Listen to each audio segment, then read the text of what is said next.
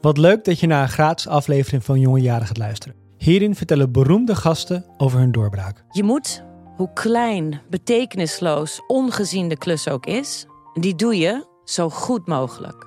Het allerbelangrijkste is dat je iets maakt wat je zelf wil maken. Wil je alle afleveringen luisteren? Ga naar podimo.nl slash jongejaren en luister de eerste 60 dagen gratis. podimo.nl slash jongejaren. 3, 2, 1. En toen, ik begon met de lieden te zingen. Welkom bij Jonge Jaren, waar bekende mensen praten over de jaren voor hun doorbraak. Zodat jij hun geleerde lessen kunt toepassen in je eigen leven en werk. Mijn naam is Ernst Jan en in deze aflevering interview ik schrijver Yvonne Kuls. Zij is inmiddels bijna 91 en bij het grote publiek bekend als de uitvinder van de sociale roman. Haar beroemdste boeken zijn bijvoorbeeld Jan Rap en zijn maat en Het verrotte leven van Floortje Bloem. Al die boeken gaan over het onrecht dat kinderen wordt aangedaan. Dat ze dat op de publieke agenda zetten werd haar niet door iedereen in dank afgenomen. Sterker nog, ze werd meerdere keren verguisd, verloor heel veel sociale contacten. Waarom deed ze het dan toch? Ik twijfel niet aan de effectiviteit van uw methodes. Ik ben alleen zo benieuwd waar die enorme gedrevenheid... Omdat, dat u... het, omdat het fout is. Nou, dat rechtvaardigheidsgevoel deed Yvonne al vroeg op. Ze werd in 1931 geboren in het toenmalige Nederlands-Indië. En ze had verre van een gemakkelijke jeugd. Haar Joodse vader overlijdt in de oorlog. Haar Javaanse moeder kon eigenlijk niet aarden in Nederland. En het eerste verhaal dat ze ooit schreef, tikte Yvonne op de dag dat de nazi's Nederland binnenvielen. Ik ben hoe dan ook een oorlogskind. Ik heb in de oorlog zoveel meegemaakt. Zoveel voor mezelf moeten knokken. En ze bleef schrijven. Ook toen ze drie kinderen in vier jaar tijd kreeg. S'nachts, onder de trap, tikte ze toneelvoorstellingen. En ze wist uit te groeien tot de bekendste scenarist van Nederland. Iedereen keek haar series. Als haar serie op tv kwam, dan was het stil op straat. Maar nu komt het. Op het hoogtepunt van die carrière stopte ze met schrijven. Want ze wilde iets doen. Ze zag al het onrecht en ze wilde iets doen. En ze startte, begin jaren 70, een opvangcentrum voor dakloze kinderen. Ongelooflijk, toch? Toen kwam ik op scholen en ik ben voor het eerst in aanraking gekomen met drugs. Die werden toen in die tijd royaal gebruikt op scholen. Door scholieren. Ja, door scholieren. Wat merkte u daarvan als u nou, de dat ze helemaal niet luisterden en als ze half in slaap waren. Hoe ze toch weer bij het schrijven terugkwam en vervolgens de sociale roman uitvond, hoor je in het interview. We spreken elkaar aan haar keukentafel thuis in Den Haag. En we nemen dit gesprek op voor Nederland Leest. In de gehele maand november geven bibliotheken Yvonne's boek Mevrouw Mijn Moeder cadeau. Als je meer afleveringen van Jonge Jaren wil luisteren, bijvoorbeeld met Matthijs Nieuwkerk of Nelly Kroes, Paul de Leeuw, ga dan naar podimo.com slash jongejaren. Maar voor nu, veel plezier met het gesprek over de jonge jaren van Yvonne Kuls. Mevrouw Kuls, toen de nazi's Nederland binnenvielen, die dag, toen schreef u als achtjarige een verhaal. Eerste verhaal. Eerste verhaal. Ja. Wat schreef u? Eh, ik weet zelfs de titel. De dag dat de mannen uit de hemel vielen. Dat was zoiets ongelooflijks voor mij. Wij woonden vlak bij de kust hè, in Den Haag. Het is ook daar waar naderhand de Atlantic Wall is gekomen. En daar kwamen die vliegtuigen en om half vijf 's ochtends, was al licht, prachtig weer.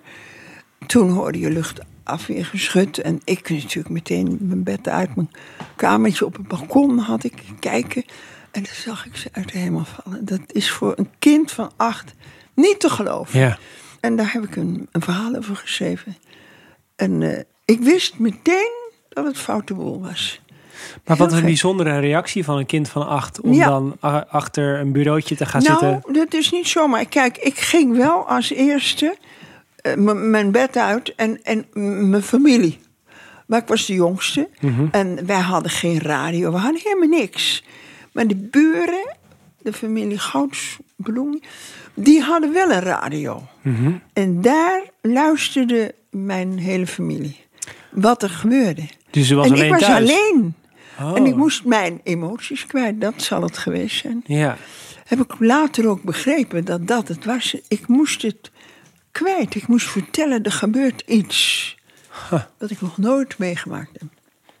En dat deed u dus als achtjarige al Ja, door het op te schrijven. ja ik, dat is de eerste keer dat ik emoties dus omzette Daar komt het echt om, om in, in woorden. Ja. Ja, Wat een bijzondere reactie. ja. Dus u vertrouwde op de dag dat de nazi's Nederland binnenvielen... uw emoties toe aan papier. Mijn emoties waren Ja. dat. En later ben ik erachter gekomen dat schrijven dat helemaal niet is. Maar daar komen we nog wel op. Ja, want hoe... Nou, laten we er meteen heen gaan. Oh, Hoe ja. kwam u daarachter?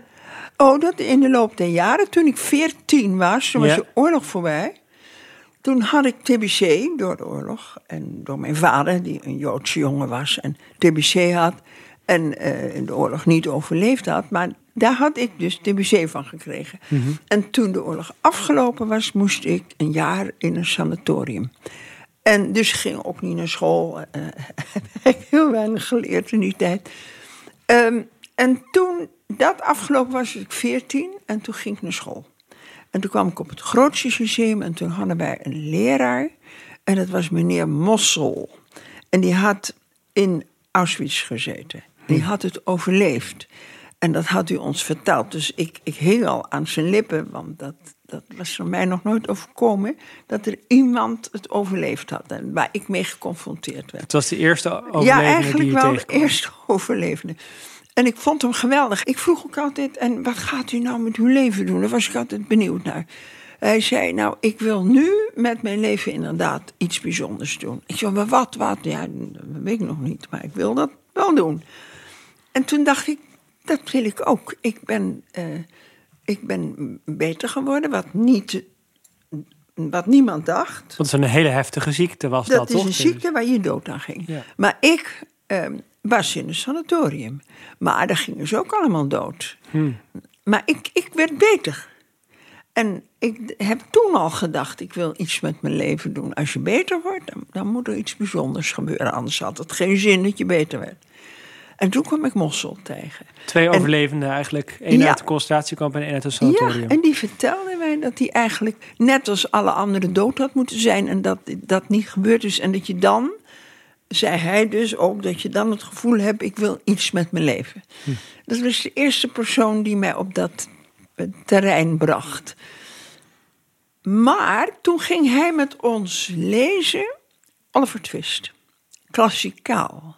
Van Charles Dickens. En eh, van Dickens. hè. En toen werd ik voor de eerste keer geconfronteerd na dat eerste verhaal.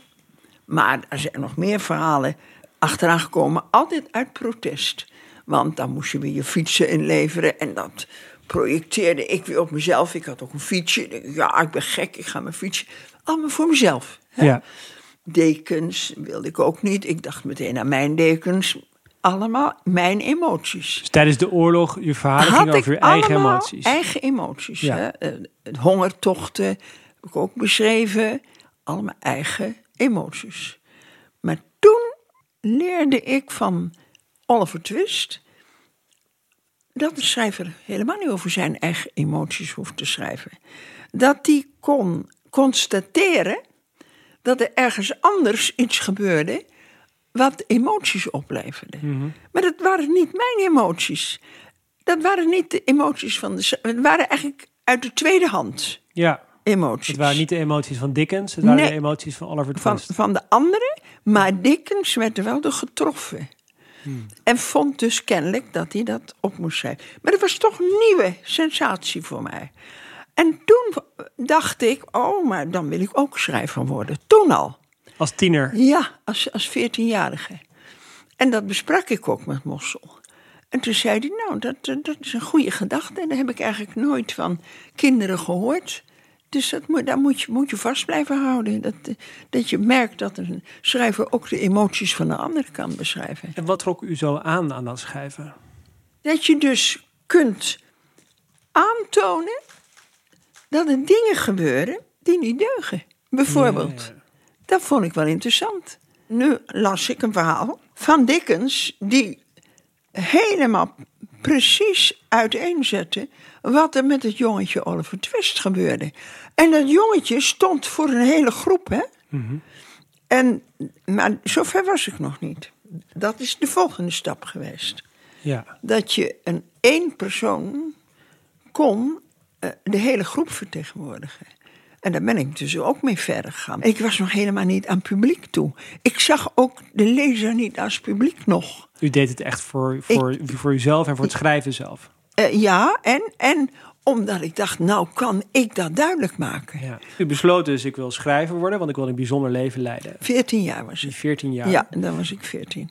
Maar dat, dat ging u niet meteen doen. U werd eerst onderwijzeres in Ja, Haagse Schilderwerkswijk. heeft, ja, maar het heeft natuurlijk alles te maken met de tijd en de, de, het gezin waar ik uit voortkwam. Mhm. Mijn moeder was ineens alleen achtergebleven. En dat was een, een, een half Javaanse vrouw. Die zelf niet kon lezen en schrijven. Die Mhm. dat zichzelf later, naderhand, ook met hulp van mijn vader, heeft, een beetje heeft geleerd. Maar niet echt kon. Mhm. Maar wel een rasvertelster was. En omdat ze niet kon opschrijven, vertelde ze alles. En wij wisten niet anders dan, je moeder vertelt. hè?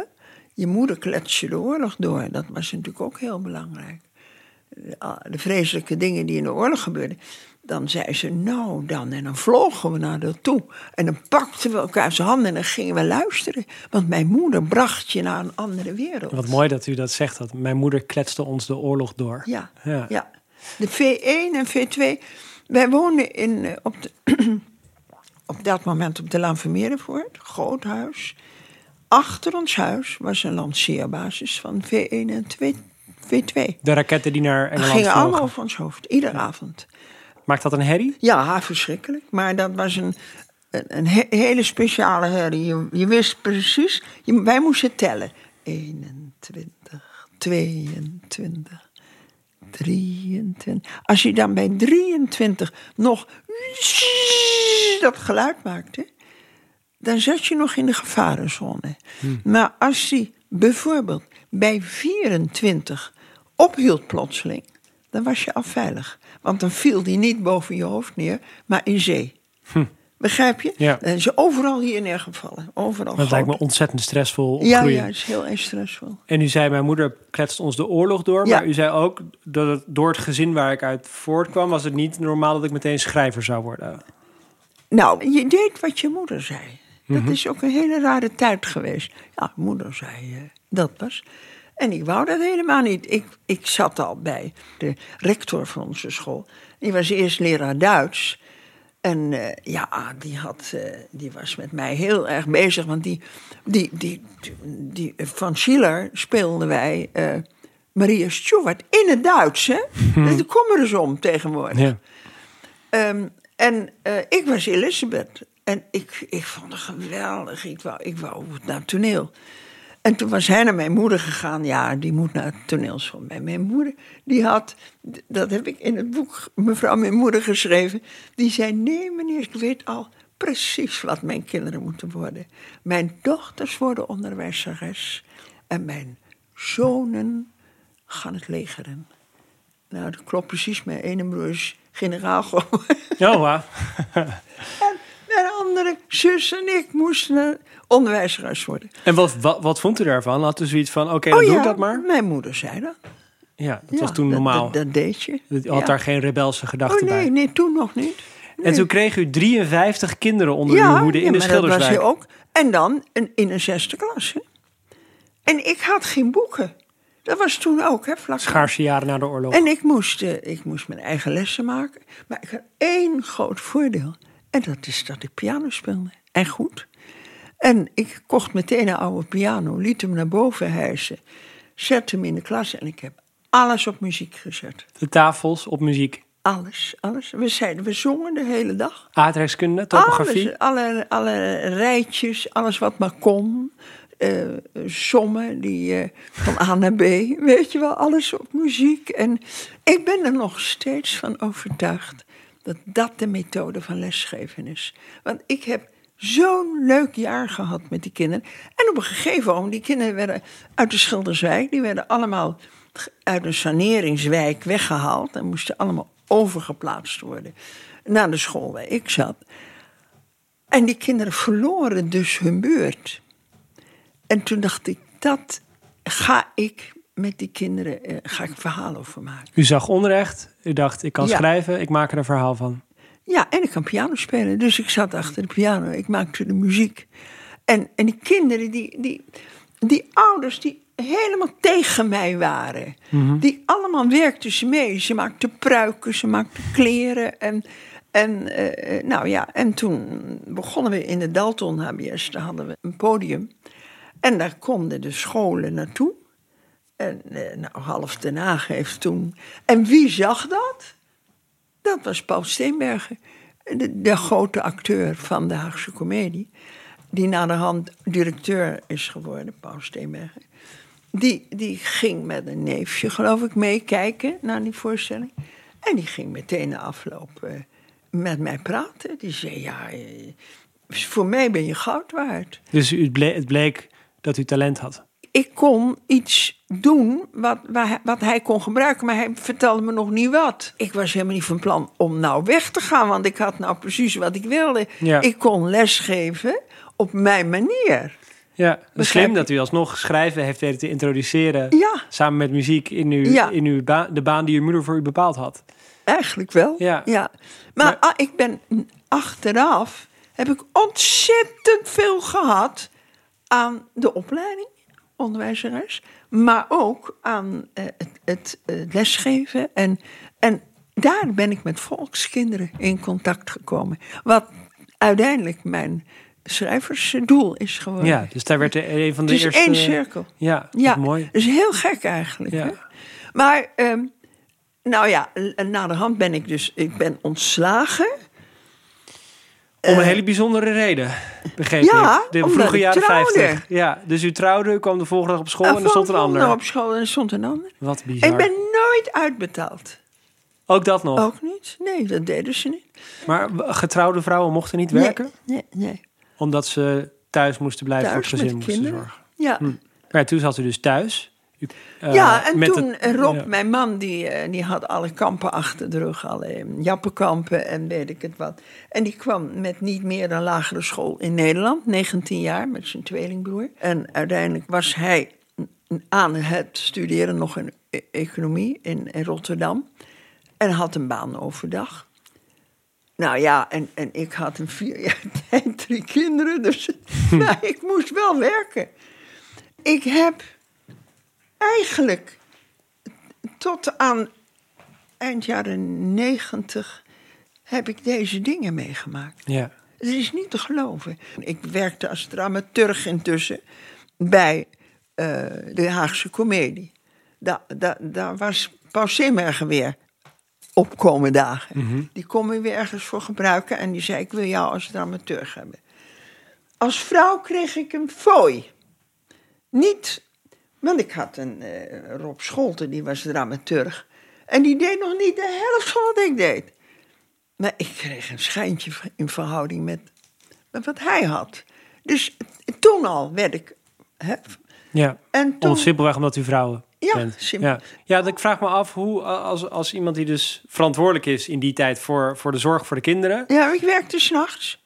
U werkte s'nachts. Ja, heel veel s'nachts. En ik heb dus u wilde schrijven en dacht dan maar s'nachts. Ja, dat kan niet anders. Ik, ik, ik had een. een, een, een maar ik, overal waar ik kwam, had ik mijn werk bij me. Ik zat altijd. Ik heb de ogen daar. Maar ik ging ook, dat was het leuke van, van eh, Paul Steenbergen, die zei: Ik wil jou gewoon hebben. Want je- ik kan jou, je bent fantastisch voor mij. Ik zei: Ja, maar die neem je mee, zei hij. Die nam ik mee en die kinderen speelden op de toneelzolder. Die hebben een leven gehad, fantastisch. Maar er komt dus bij mij een beeld op dat u dus, als u even een momentje voor uzelf had, dook u meteen achter de typemachine of nam u de pen ter hand.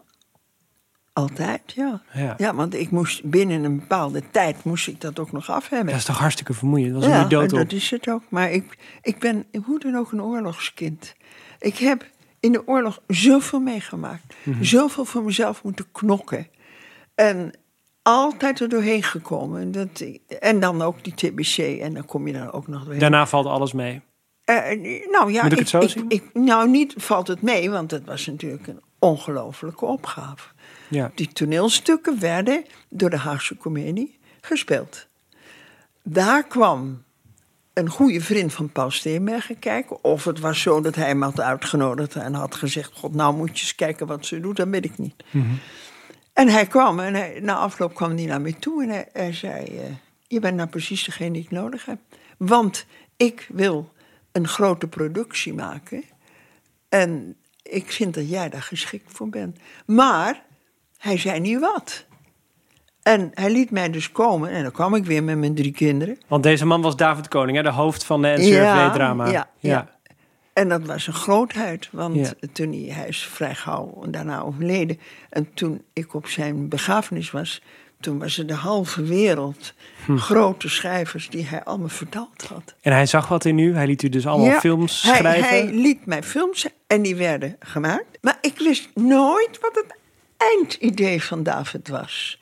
Ik dacht iedere keer, hij wou mij een film laten U wist niet waar, waar, waar hij Waar naartoe uiteindelijk naartoe Dat wilde hij ook niet zeggen. Was dat geheim? Dat wou hij niet zeggen, maar... Een beetje een soort zo'n zo'n sensei-mas. Zo'n Ja, meester wou- die zegt op een dag zal u klaar zijn. Ja, ja. maar ik had ook groot vertrouwen in hem. Ja. Ik kreeg allemaal geweldige acteurs. Mhm. Zoals eh, Anke van der Moer.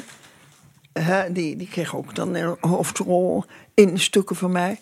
En al die mensen die, die, die, die zeiden ook tegen mij... dit kan alleen maar als David iets met jou van plan is. Ja, ja, ze waren anders- te groot om eigenlijk voor die film Ja. mee te doen. Ja, hij zegt wij... Ja, ik, ik kan het laten zien, de foto's van, van de films. En zie je allemaal grote acteurs. Ja. En, maar op een gegeven moment heb ik van Ank gehoord. Eh, die heeft de mond voorbij gepraat. Hm. Ja. Zij wist het wel. En Ank was al benaderd voor de rol van Bertha in De Kleine Zielen. En de Kleine Zielen is een boek van Louis Couperus. de, de boeken De Kleine Zielen. Ja. Ja, dat is een, een, een boek van Couperus. Ik was, ja dat klinkt idioot, maar ik was heel erg belezen in Couperus. Want dat is ook een schrijver die veel in Indië verbleven heeft Ja, destijds. Indië. ik had heel veel als zijn boeken gelezen. Ja. Maar de boeken De Kleine Zielen, dat is echt een boek dat de decadentie van de vorige eeuw Hmm. beschrijft. Een hele Indische familie die naar, naar, naar Nederland kwam met al die kinderen. En allemaal hebben ze heimwee. Dat, dat komt er allemaal in. Ja, En- best herken, herkenbare Ja. dingen voor u. Ja, zeker. Want Ja. dat was mijn familie natuurlijk ook. En toen zei ze mij, weet je het niet? Jij moet het schrijven. Echt waar? Dus, En wat deed u toen, toen u dat hoorde? Nou, schrikken. Maar ik, En na is- toen u van de schrik bekomen was? toen dacht ik, ik moet het voor zijn. Toen ben ik zelf begonnen. ja, om ten eerste een stamboom te maken. U heeft- bent niet naar de heer Koning gegaan, u bent naar het bureau gegaan, ik naar uw schrijftafel. eerst thuis een stamboom in elkaar zetten. Ja. Dus maar op een dag kwam de heer Koning naar u en die zei... We gaan, eh we En, gaan Couperus en toen verfilmen. had, en toen zei ik, Wat zei ja, toen? Dat, dat had ik wel gedacht, zei ik, want je gaat niet zomaar iets doen. En toen zei ik hier bij de stamboom. En ik heb het eerste deel geschreven. en toen Mooi. zei hij, nou, nou weet ik helemaal zeker dat ik jou moet hebben, Ja. zei hij. Nou, dat was voor hem dan de ultieme bevestiging. Maar ik ben Ja. toch benieuwd, want hij had u gezien in een klein toneelstuk dat u had gemaakt. En Ja, hij was had- nog niet heel ervaren, toch? Was, Nee, maar het was natuurlijk wel goed, want anders had de Haagse comedie het niet op zijn repertoire. Fair enough. Maar wat, wat denkt u dat hij Hij zag u zag dat dat ik u dacht van... ik ga mijn grootste project aan Ja, deze, aan deze Omdat ik dialogen kan schrijven. Hij zegt, het, wat Nederland...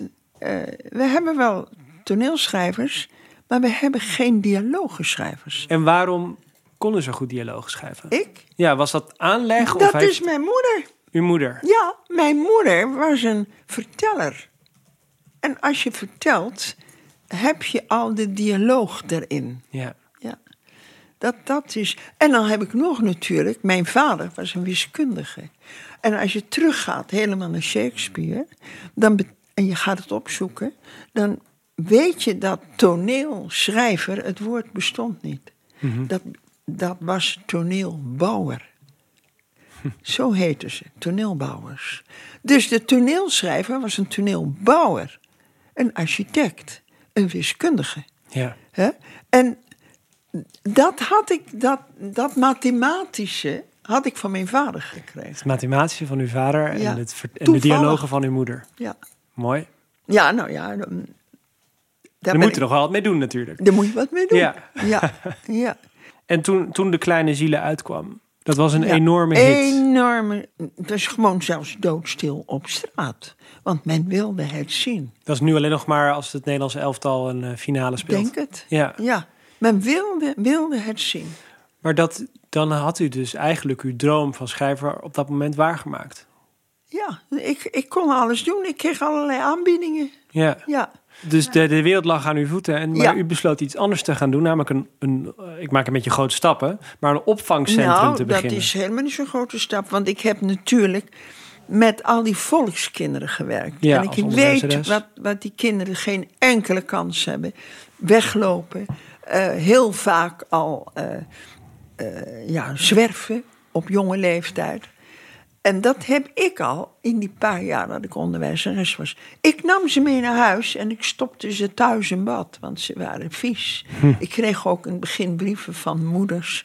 Ik zou maar zeggen, Jantje is om aan te leren, niet om aan te ruiken. Echt leuk hoor. Maar ik, ik, eh, ik heb meegemaakt wat, eh, vooral vlak na de oorlog, wat, wat de volkskinderen, die kregen niks. Maar wat, kregen nauwelijks hoe, te eten. hoe gaat u dan van een... eh, want u had dat dan vroeger meegemaakt, maar daarna was u een groot Nee, ik heb het geworden. altijd, ja, maar ik heb het altijd in mijn hoofd gehouden. Ja. En ook omdat ik de oorlog heb meegemaakt, moet je niet vergeten. Dus u droeg die verschrikkingen van de oorlog mee. U Ja. droeg dat onrecht mee dat u bij de volkskinderen had gezien. Ja. Maar dan nog begrijp ik niet waarom zo'n succesvol scenarist dan een opvangcentrum omdat begint. ik dus... Toen heb ik aangenomen van het toenmalige SOS, dat is Schrijvers op School. Dat heet nu de Schrijverscentrale. Oh ja. Ken je wel? Ja. Eh, en die boden mij aan om langs de middelbare scholen te gaan. En ik moest daar de leerlingen eh, op de hoogte brengen van Couperus natuurlijk. Couperus was een compleet vergeten schrijver. Ja. Dus door mij is het teruggekomen. Je dus ging langs de scholen alle wilden mij hebben. En ik vertelde dat die man nog wel meer geschreven had. Ja. Enzovoort. En toen kwam ik op scholen en ik zag, ben voor het eerst in aanraking gekomen met drugs. Die werden toen, in die tijd, royaal gebruikt op scholen. Door scholieren. Ja, door scholieren. Wat merkte u daarvan als u voor nou, de dat klas ze over- helemaal niet luisterden en als ze half in slaap waren. Allemaal versufte kinderen. Ja, precies. Wat gebruikten ze dan? Van alles. Het was toen eh, ze- echt van alles en nog wat. Geen oppeppers in ieder geval. Maar luister, ik, ik weet er niks van. Ik wist er niks van. Ik had zelf geen kinderen, die waren nog onder de leeftijd. Met die, die met drugs of zo. Ik, ik wist er helemaal niks van. En toen dacht ik, ja, maar wat- in wat, wat ben ik aan het doen? Ik zit in een vorige eeuw met de decadentie van 1900. En ik heb straks kinderen van, van 15 jaar, die zijn ook aan de drugs. Wie weet dat? En ik weet er niks van. Dat is het eigenlijk geweest. Uw hu- huidige, toenmalige werk kwam u over als niet belangrijk meer, omdat Nee. u Ik dacht, scholieren onder de druk zag. ja, en ik dacht, nou moet ik iets doen. Nou moet ik met mezelf overleggen, wat wil ik? Wil ik in die vorige eeuw blijven? Want de opdrachten kwamen op me af. Een lekker leventje lag in het verschiet eigenlijk als nou, scenarist. het was toch? niet lekker, het was hard werken. Ja, fair maar, enough, maar wel het was wel succesverzekerd. Ja. Dat moet je niet vergeten. Ik denk dat het minder hard werken was dan een opvangcentrum beginnen. Ja, en, en, en, en ik ben daar echt door failliet. Nou ja, oké, is een ander verhaal. Maar ehm, het is wel gebleken dat wat bij mij past. Dat moet je niet vergeten. Want u eh, ervoor dus die onvrede van wat ik nu doe, de vorige eeuw, is niet belangrijk Nee. vergeleken bij dit. Maar hoe kwam u dan bij het handelsperspectief van een opvangcentrum beginnen? Omdat ik eh, ging, ik ben me gaan verdiepen in wat er gaande was. Bij mijn onderzoek, laat ik het zo zeggen, dat ik bezig was, kwam ik erachter dat er zwerfkinderen waren in Nederland. En daar had ik nooit van gehoord. Nooit van gehoord. Hoe vind je dat? Ja, vroeger, eh, toen ik op, in de Schilderswijk werkte, toen wist ik wel, god, die was weggelopen. Maar ja, die werd dan alweer gauw bij een oude tante in huis gehaald of zo. Maar wat ik nu meemaakte, was dat kinderen niet meer pasten in hun gezin door het drugsgebruik. En dat gewoon de ouders zeiden, nou ja, goed, donder maar op als je zo bezig bent, je verknoeit ons hele gezin. En toen herinnerde ik me dat ik een vriendin had hier op de GG en GD. Dat was een jeugdpsychiater, Margriet Rijers. Aan haar heb ik ook mijn boek Jan Rap en zijn maat opgedragen, na de hand. Ik ben naar haar toe gegaan en ik vertelde wat mij was overkomen. Dat ik dus op scholen kwam enzovoort. En toen zei ze, en ik zag haar knikken. En ze zei, ik weet er alles van. En daar moet iets aan gedaan worden. Ik kan het niet doen, want het eerste wat ze doen is mij ontslaan. Maar ik ben wel in gesprek met eigenlijk gelijkgestemden van jou. En als ik die nou eens bij elkaar haal, allemaal. En als wij nou eens gewoon een opvanghuis organiseren. En aan kinderen die zwerven de gelegenheid geven om bij jullie te komen. Nou bij, bij ons te komen, zei ze. En nou ja, uiteindelijk is zij degene geweest die de aanzet is geweest. Maar nou het grappige, dat we hadden veertien mensen bij elkaar. Daar was ik er maar één van. Ik was de oudste. en die andere, dat zou je toch niet geloven. Dat waren allemaal net afgestudeerde juristen, eh, psychologen, sociologen, eh, politicologen. Tegenwoordig, als je net afgestudeerd bent, dan zeg je: Nou, ik heb het wel gehad hoor. Ik ga een wereldreis maken, eh, weet je wat. En de ouders betalen dat wel, soms. Of je hebt ervoor gespaard. Toen was het zo, je was zo gemotiveerd. Je was afgestudeerd en je zei: Ik ga als vrijwilliger in een opvanghuis werken. Ja. Ehm, nou, dat hebben wij gedaan. Ik vind het als student vind ik een stap, maar ik vind het ook een stap als nationaal gevierd scenarist om dan te zeggen: ik word vrijwillig hulpverlener. Fantastisch. Wij hebben, ja, ik vind het. het Hoe reageerde uw omgeving daarop? U, Nou, op, op, op mij hebben ze verschrikkelijk gereageerd. Waarom dan? Wat- Nou ja, ik. eh, ja, ik weet het niet. Ik was ineens veel, veel uit de toon op de een of andere manier. Ik was toch iemand? Ja, misschien confronteerde u mensen ook wel met het eigen ongemak dat ze voelden dat ze niet genoeg Ja. deden. En u, nou, het, is toch, het klinkt wel alsof u echt een offer maakte. Of u- Nee, het was geen offer voor mij. Ik, Ja, van de ik had het gevoel, ik ben thuis. Ik, ik, dit is nou precies wat ik wil. Ja. Hè? Maar ik, ik, ja, en, en ik had een man die, eh, die zei: Jij moet doen wat je wil. En jij, als jij vindt dat je dit moet doen, dan moet je dat doen. Maar eh, hoe dan ook, het, het heeft een jaar bestaan. het ja, huis. we kregen te weinig financiële steun vanuit de gemeente. Niks. Dus het moest stoppen. Ja, nee, de gemeente vond het ook niks. Ja. Allemaal tuig. Maar in die twee, twee jaar daarna heeft u geprobeerd mensen nog wel te helpen, toch? Ja, ja, ik heb- zelfs een huis genomen. Ja, ik heb ook in huis genomen. En zaten nog in het andere huis en er zat een schuur achter. En daar konden er altijd in. Maar dat niet alleen ook gewoon in huis. Maar dat, dat was het niet, want ik ben zelf natuurlijk ook bestolen. Dat, dat kan niet anders. Door die, die kinderen die in huis nam. Ja. Ja, ja dat, dat heb je. Het bedrijfsrisico, hè? Dat, dat, dat is nou eenmaal zo. Maar ehm, ik, heb het, ik heb volkomen voldaan aan wat ik moest doen. En dat Ja. is voor mij het allerbeste geweest. Want u heeft, maar heeft het schrijverschap even geparkeerd. Nou, ik Toen zei, ik, ik moet niet meer schrijven, zei ik. Want even- ja. ik ga dit doen. En toen bleek dat ik juist wel moest schrijven. Want waar bleek dat uit dan? Omdat ik totaal geen enkel resultaat had door me rot te werken. Wer- Dat leverde niet genoeg niet. op. Nee, dat werkt niet. En toen ben ik op gaan schrijven dat het daar gebeurd is. En was dat met voorbedachte raden? Dacht u, dit verhaal Nee, ga ik vertellen en Nee. zo krijg je iets voor elkaar? nee, nee, nee, nee, nee. Want ik, ik besloot, nu schrijf ik niet meer. Ja. En eh, ik, ik had banen en die allemaal eh, opgezegd. Dat deed ik niet meer. Want ik ging dat doen. En dat, eh, als je op, in een opvanghuis zit, kan je niks anders. Kan je niks anders. Want ik, ik heb zoveel dingen gedaan, s'nachts ook. Eh, eh, ja, en gevaarlijke dingen. Ik reed af en aan. Ik heb dertien kinderen die zelfmoord hebben gepleegd hè, in dat Jeetje. huis. Ja, er zijn dingen gebeurd. En eh 260 kinderen hebben we uiteindelijk in huis gehad. In een jaar 260 Ja, kinderen. Ja. Maar u dacht, ik kan op deze manier toch niet echt wat betekenen. Nee, ik, eh, toen, ik, toen het huis aan, eh, tot slot in elkaar werd geknald... zo'n jongen die echt alles naar buiten s- s- gooide, eh, vrieskist... De, de iglo-maaltijden hingen in de bomen. ik heb wel gelachen hoor. Maar waarom besloot u dan, het, ik moet weer terug naar schrijven? Omdat ik zeg dat je hier niks mee bereikt. Ja. De gemeente trok zich terug. Die, die dacht, ja hallo, zoeken jullie zelf maar wat voor dat tuig. En dacht toen, ik ga dit opschrijven, zo, omdat de wereld Ja. het moet horen. Ja, ja, ja. ja. Ik, ik, ik, ik wist wel dat ik kon schrijven, want ik had, ik had een hele serie gemaakt. En, Tuurlijk, nee, het hè, was dus eh, dat, kon ik wel. En, maar u zag eigenlijk, net als op de school in de Schilderswijk... Ja. vroeger in de oorlog, oorlog, u zag onrecht en, ik dacht, en u dacht, dit moet verteld worden. Nou ja, ik, het was nog niet eens zo dat ik zag onrecht of zo, maar dat, dat zie je natuurlijk wel.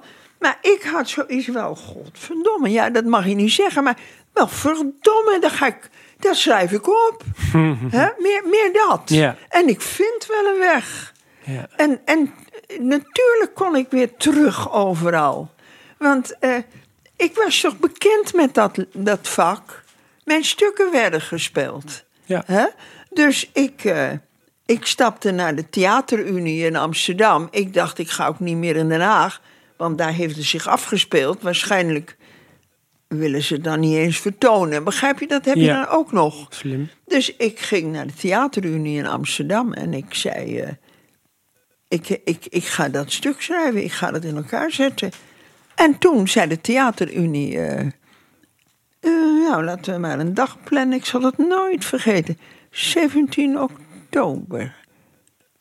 Première. Ik zei: Wat gaan we nou krijgen? Je kreeg een deadline voorgeschoteld. Ja, ik kreeg gewoon een half jaar later, staat het eh, in de brakke grond. Maar had u toen het boek Jan Rab al geschreven? Nou, nee, dat, dat moest ik dus ook nog schrijven. Oh, kijk. Ja. U heeft het dus in een razend tempo geschreven, Ja, Jan Rab. ja. En het, het toneelstuk is de wereld overgegaan. Het boek is de wereld overgegaan. Nou, het toneelstuk. Het allereerste was het toneelstuk. Meteen. Er werden meteen 200 voorstellingen daar. Het heeft gestaan.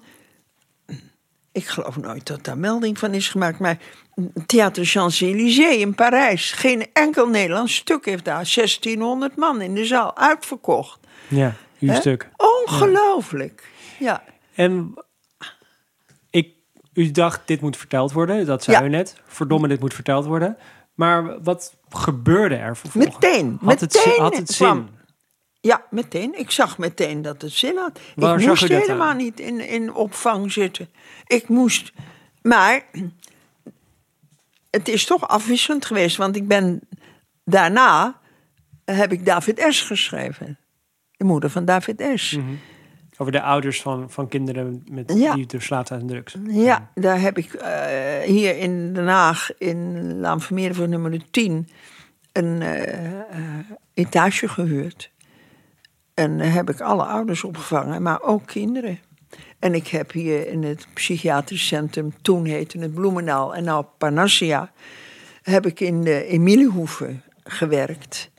En eh, ja, ik heb ook daarnaast. En, en, U bent nooit gestopt, ook met hulpverlening. en toen ben ik, heb ik het gecombineerd, doorlopend. Maar waar ik zo benieuwd naar ben. Kijk, ik, de, er wordt wel eens het verwijt gemaakt aan schrijvers en journalisten dat die maar aan de zijlijn staan en vrijblijvend beschrijven wat er gebeurt. Wat, wat, wat vindt u daarvan? Ja, iedereen moet doen wat hij kan. Ik, ik, kijk, het is dat ik dit kan. Hè? Dat moet je ook eh, niet vergeten. Ik kan dus, bijvoorbeeld eh, om even te noemen Floortje Bloem. Ja, Ik kan dus anderhalf jaar met een rugzak op mijn rug, met sinaasappels erin en met eh, medicijnen die ik bij elkaar scharrel. Ook allemaal brieven schrijven naar al die artsen. Ja, want toen bent u twee jaar lang met dat rugzakje door Ja, ik over langs tippelzones gegaan, toch? Anderhalf jaar en ik ben niet vermoord. Maar het had gekund. Ja, u had politiebescherming op afstand. Ik had, die heeft ik had twee keer bescherming. Ik ben dus naar de commissa- hoofdcommissaris van Rotterdam. Hoe heette die bekende? Die was meteen achter me. Stond meteen achter me. Mhm. Hij zegt, ik maak twee jongens voor jou. Die moeten zich maar eh, omwisselen. Dagje die en dagje die. En, en die moeten jou in de gaten houden. Je gaat niet zonder bescherming, zegt hij. Want dan, dan leef je niet een week. Dat zei hij. Dat bleek terecht, toch? Ja, en ik moest hem uitleggen waarom doe je dat. Ik zeg nou, omdat het meisjes zijn tussen 12 en 15 jaar. En ze hebben geen enkele eh, medische verzorging. Vallen er buiten. Moet je 16 zijn. En deze kinderen, die, die, die worden door eh, loverboys worden ze gepikt. En die gaan allemaal dood. En ik had er 51. En toen heb ik het boek Floortje Bloem geschreven. En nou, het idiote verleden jaar.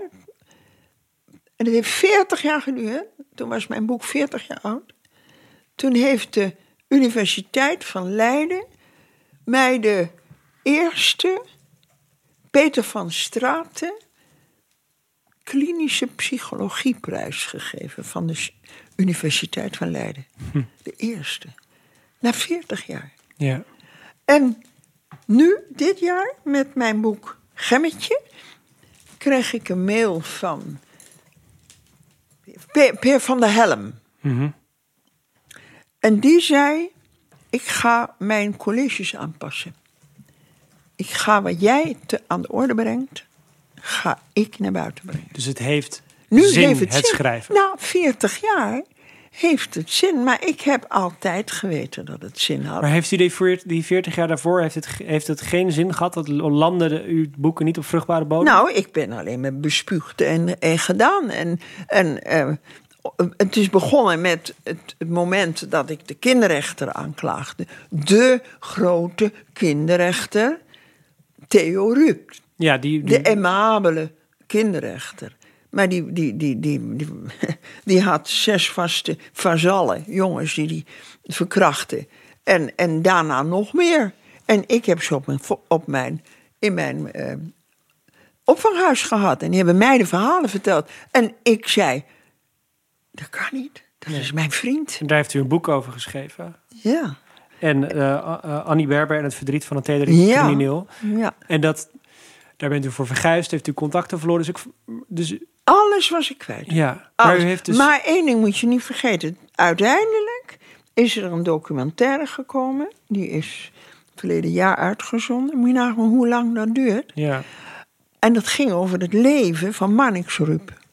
En Marnix is de zoon van Theo. striptekenaar Marnix Ja, en Marnix kwam bij mij, was één van de jongens. En die zei tegen mij: Yvonne, jij bent de enige die dit aan kan. Jij bent de vriendin van hem. Goede vriendin in ieder geval. En als jij hem aangeeft, dan houdt hij op. Dat is uiteindelijk niet gebeurd. Uiteindelijk is het toch Dat hij is beschermd door... door Hij is door- beschermd door ja. allerlei mensen, maar hij is wel zijn baan kwijtgeraakt. Maar wat ik me zo afvraag, als u 40 jaar op, er, op erkenning moet wachten, dat er eindelijk Nee, wat ik gebeurt. wacht niet op erkenning. Nee, dan, dat heb je Nee, nee dat, ik bedoel niet persoonlijke erkenning, maar ik bedoel erkenning van het probleem dat u omschreef. Het, dat wordt erkend. Daar ben ik echt van overtuigd. Ja, maar u zei net, het duurde 40 jaar bijvoorbeeld naar Floortje Bloem. Ja, maar nou, wat maakt dat uit? Dat is nog 40 jaar. Ik bedoel, Nou, wat maakt dat uit? U bent vier er decennia... komt een moment. Waar haalt u dan de energie van om vier decennia lang Ja, maar het, daardoor het te gaat niet om mij. Kijk, ik heb alles opgeschreven. Alles staat in mijn boeken. Alles. Mhm. Je kunt alles vinden.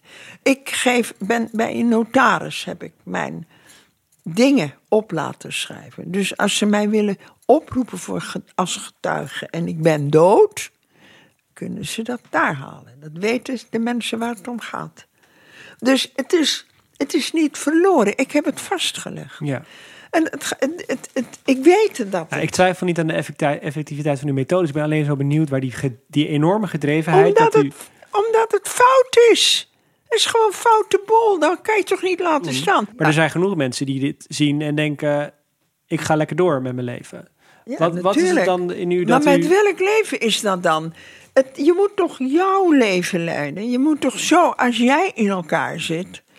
Hè? Ik zou voor een van die nonnen, gekke mensje, die zei tegen mij: Yvonne, als je echt ergens in gelooft. En, eh, want natuurlijk besprak ik met haar of ik dat wel door kon doen. Als je echt ergens in gelooft, zei ze. En dan bedoel ik niet het geloof in God en dergelijke. Als je ergens in gelooft, jij dat moet doen. Dan moet je je niet afvragen hoeveel kost me dat. Je moet niet zeggen, kan ik dat wel? Ben ik er sterk voor? Eh, genoeg voor? Eh, eh, ik, eh, vind ik het niet erg dat mijn leuke leventje... Nee, dat moet je je allemaal niet afvragen. Want als jij ergens in gelooft, komen de mensen die gaan jou helpen. En dat is gebeurd. Ja. Heeft u wel eens getwijfeld? Hier, na deze gesprekken eigenlijk niet. Maar daarvoor wel, natuurlijk. Ik dacht, wat ben ik in godsnaam aan het doen? Ik ging ook echt twijfelen of op een gegeven moment... Ik had wel eens televisie opname. Dat was toen nog het Capitool. Heette dat zondag, het Capitool. Ja. Ja. En dat heet nu Buitenhof, hè? Oh, zo, Ja, de voorloper zoiets. buiten. Ja. Ja. En dan eh, vroegen ze of ik eh, de boel uit kon zetten. Nou, dan, dan, dan, dan kwam ik daar en dan zag ik drie heren. En, en daar stond ik dan tegenover. Dan moest ik me... Ja, ik had geen enkele opleiding. Dat moet je ook niet vergeten. Het waren allemaal hooggestudeerde mensen. Die hadden dat al voor. En wat was ik nou? Ja, een ontslagen onderwijzeres. De, de, zover kwa- kwa- konden ze me wel traceren. Het heeft natuurlijk ook... Veel mensen kijken er ook weg omdat het te bizar is om voor te stellen. Ja, dat kan wel wezen. En nu heeft heb niet weg te kijken. Dan Nee, moet nee. je juist... Want u heeft het allemaal gezien. U heeft het gezien. U bent... U Nou, bent ik, eh, heb, ik heb er middenin gezeten. ja. Ja. En u heeft met uw boeken meer mensen daar deelgenoot van gemaakt. Uw boeken zijn, worden ontzettend Die liggen. Ja. en niets is gelogen. Ja. Laat ik zo zeggen. En al het onrecht dat u aan, de, aan, de, aan het licht hebt gebracht. Ja, en dan- alle offers die je daarvoor maakte. Van, van het naar binnen halen in uw eigen gezin. eh, Van eh, kinderen die u hier wilde opvangen. Heeft u nooit eens gedacht, ik ga nu eens even lekker voor mezelf leven? Maar ik leef toch voor mezelf? Ik, ik, dit- ik doe toch iets wat ik zelf wil? Daar gaat het om. ik, eh, ik, zou, ik zou niets liever willen dan dit. Ja. Nou, dus wat, ik, heb, ik hoef niet eens te kiezen. Maar ik doe andere dingen ook. Is dat allemaal terug te voeren op dat het onrecht dat u ervaren heeft in de oorlog? Ik denk dat daar begonnen is. Ja. Ergens moet iets beginnen. En het begint, ben ik van overtuigd, in je jeugd. Daar begint het. De dingen die je daar ziet gebeuren, dat is zo onrechtvaardig geweest. Dat, eh, ja, daarin groei je op, natuurlijk. Ja. Ik heb u wel eens in een interview horen zeggen dat u de grootste opdracht van het leven vindt u beantwoorden aan je natuur. Aan jou natuurlijk. Aan jouw natuur. Ja, aan mijn eigen natuur. Daar moet ik aan beantwoorden. Ja. En wat, wat betekent dat beantwoorden aan je natuur?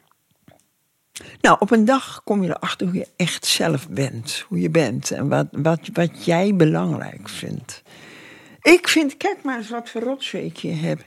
Ik vind niks belangrijk om, om, om nieuw te kopen en dergelijke. Ik vind, ik moet me lekker voelen hier. Ja, dat is mijn natuur. En ik wil mijn, eh, al mijn kinderen, kleinkinderen. Ik heb, dit is wat ik geërfd heb van mijn moeder, deze tafel. Er zitten twee van zulke tussenbladen in. Die komen erin als het kerstmis is. En ik heb in de kelder, hier beneden, 18 stoelen. en toevallig bestaat uit mijn... Dan zeg ik, nou, hoe, hoe, hoe bestaat het? Ik heb totaal 18 kinderen, kleinkinderen, achterkleinkinderen en aanhang. Nou, dat is toch prachtig? precies. Ja. Maar u zegt op een dag kom je erachter wat je natuur is. Dat klinkt als een soort revelatie. Ja. Wat was die dag voor u? Ik denk dat, dat dat is natuurlijk niet één dag. Het is een groeiproces, denk ik. Dat op een gegeven ogenblik ging ik mij verdiepen in waarom zitten die kinderen zo? Waarom ziet niemand dat? Waarom zie ik dat wel? En dan denk ik, ja, dat komt natuurlijk omdat ik daar die kinderen van die Schilderswijk heb gehad. Ja. Verloren schepsels. Nou, ja, daar is begonnen. Ja. Mijn zicht op die kinderen. En er zijn nu best wel veel jonge mensen die worstelen met wat wil ik eigenlijk? Een soort zingevingscrisis. Ja, nou, dat Wat- is iets waar ik toch niet zo mee bezig ben. Ik zag, Nee, dat merk ik. Ja. Daarom de vraag. Wa- wa- wat zou u die jonge mensen adviseren? nou, en ik denk dat een heleboel jonge mensen op het ogenblik helemaal niet weten dat je met jezelf wat kunt doen. En jezelf kunt ontdekken. En ook voor anderen wat kunt betekenen. En dat dat een antwoord is aan iets ja, wat je zelf ook zou willen. Misschien heb je een tijd dat je niet weet wat je wil. En dat is ook zo erg niet. Dan kom je er wel achter wat je wel wil. Ik wist toch ook niet van het begin af aan wat ik wilde. Helemaal niet. Niemand weet dat. Maar u heeft wel altijd iets gedaan. U heeft niet zitten afwachten. Ja, ik heb wel veel gedaan. Maar ook dan wist ik niet of dat het doel van mijn leven was natuurlijk. Al werk, al doende, kom je achter dingen die, waarvan je denkt, nou, dat past wel bij mij. Ja. En nu bijna 91. Ja. Wat, wat is volgens u het doel van uw leven? Van mijn leven? Ja. Ja, ik wil. Ik heb, ik heb eh, ergens gezegd. ehm, Jan van Lelyveld, dat was eh, de grote rechter van Den Haag. Die heeft zich achter mij geplaatst als enige. Die heeft een brief gestuurd Naar aanleiding van het eh, interview wat de, eh, eh, de, de hoogste man van justitie in de krant heeft gehad. En hij heeft gezegd wat Kuls zegt is waar. Ik had onder andere gezegd dat op het Paleis van Justitie worden kinderen met stok en zweep geslagen. Dat was zo. Dat wist ik. Wist ik van de kinderen, maar wist ik ook van anderen. En hij zegt, ik weet ook dat het waar is, als rechter. Wordt niet op geantwoord, maar hij is wel zijn bank kwijt. Hij wordt door zijn collega's zo moeilijk gemaakt dat hij geen zin meer had om daar te blijven. En hij heeft zijn ontslag ingediend. Nou is vroeger je ontslag indienen, dat had consequenties. Ik weet niet precies welke. Ik denk geen pensioen of dergelijke dingen. Hè? Maar dat was een heel, heel groot offer wat hij. Dat deed hij omdat hij vond dat mij onrecht was aangedaan. Dat ik door de procureur-generaal bij de Hoge Raad, meester Berger, in een hoek werd gezet van de leugenaars. Terwijl dat niet zo was, dat wist hij. En hij kon het niet laten om dat naar hem te schrijven. Ik denk dat dat het is. Dat je, dat je toch op een gegeven ogenblik iets doet wat misschien wel heel slecht voor jezelf, voor, je, voor, je, voor alles is. Maar dat je vindt dat, dat, dat je dat moet doen. Dat denk ik. Ja, dat is het doel van uw leven. En, en Af en toe dat, dat is natuurlijk. Ja, het kan nooit een doel van mijn leven zijn, maar het, het, eh, het moet wel zo zijn dat. eh, eh, toen ik geboren werd, was ik een, dat klompje mens met die inprent. En dat moest er op een dag naar, naar, maar uitkomen. Nou, dat is naar mijn gevoel voor mij gebeurd. Ja, ik sluit me daarbij aan. Ja, nou, eh, en ik, ik heb nooit het gevoel dat het nou maar eens op moet houden. Ik, ik, ik ga gewoon door. En ik niet omdat ik vind dat ik, eh, nou maar eens een keer eerherstel. Helemaal niet. Voor wie ik wel eerherstel zou willen hebben, dat is Jan van Lelyveld. Dat is een man die aan de kant gezet is als, als groot rechter. Ja. Hè, en die heeft, wetende dat hij nooit geaccepteerd zou worden als hij dat vertelt, dat ik gelijk heb, dat hij het toch gedaan heeft. Dat is voor u een heel mooi voorbeeld. Je weet niet waar het naartoe werkt. Dat weet je niet. Je weet alleen dat je zelf vindt dat dingen niet kunnen. Dat vind je zelf. Ja. En eh daar ga je er wat aan doen. Niet met het idee, dat los ik wel even op. Maar dat kan niet. Hoe kan ik nou iets oplossen? Ik heb geen enkele opleiding, niks. Ik kan, ik kan me nergens... Ik weet niet eens waar ik me moet vervoegen. ja, u weet niet waar het toe leidt, maar Nee, u, wil er. Nee. een schijnwerper op zetten en uiteindelijk gebeurt er dan Ja. daadwerkelijk wat mee. En dat vertrouwen opereert u. Ja. Heel veel dank voor dit gesprek, mevrouw Kuls. Ik vond het ook leuk. Dankjewel voor het luisteren naar Jonge Jaren. Dit was een interviewprogramma van POM en we maakten het voor Nederland Leest. De gehele maand november kun je Yvonne's boek Mevrouw Mijn Moeder cadeau krijgen in je eigen bibliotheek. Als je dit nou een mooi gesprek vond, zou het super fijn zijn als je het zou willen delen met iemand van wie je denkt dat hij het ook mooi vindt. Zo kunnen meer mensen dit gesprek en Jonge Jaren ontdekken. En misschien wil je het nog even rustig teruglezen of een bepaald citaat opzoeken. Dat kan op jongejaren.nl. Ik maakte deze podcast met redacteur Bianca Schrijver, opnameleider Lisa Rozen en editor Marius Kooi. Momka is onze designpartner, daarom ziet het artwork er zo mooi uit. En mijn naam is Ernst Joop Fout. Als je meer gesprekken wil luisteren over de jonge jaren van bekende mensen, ga dan naar podimo.com slash jonge jaren. Daar vind je onder andere interviews terug met Matthijs Nieuwkerk, Nelly Kroes, Paul de Leeuw en vele anderen. Ook het audioboek van het verrotte leven van Floortje Bloem kun je vinden op podimo.com slash jongejaren. En voor nu, nogmaals dank voor het luisteren en tot de volgende keer.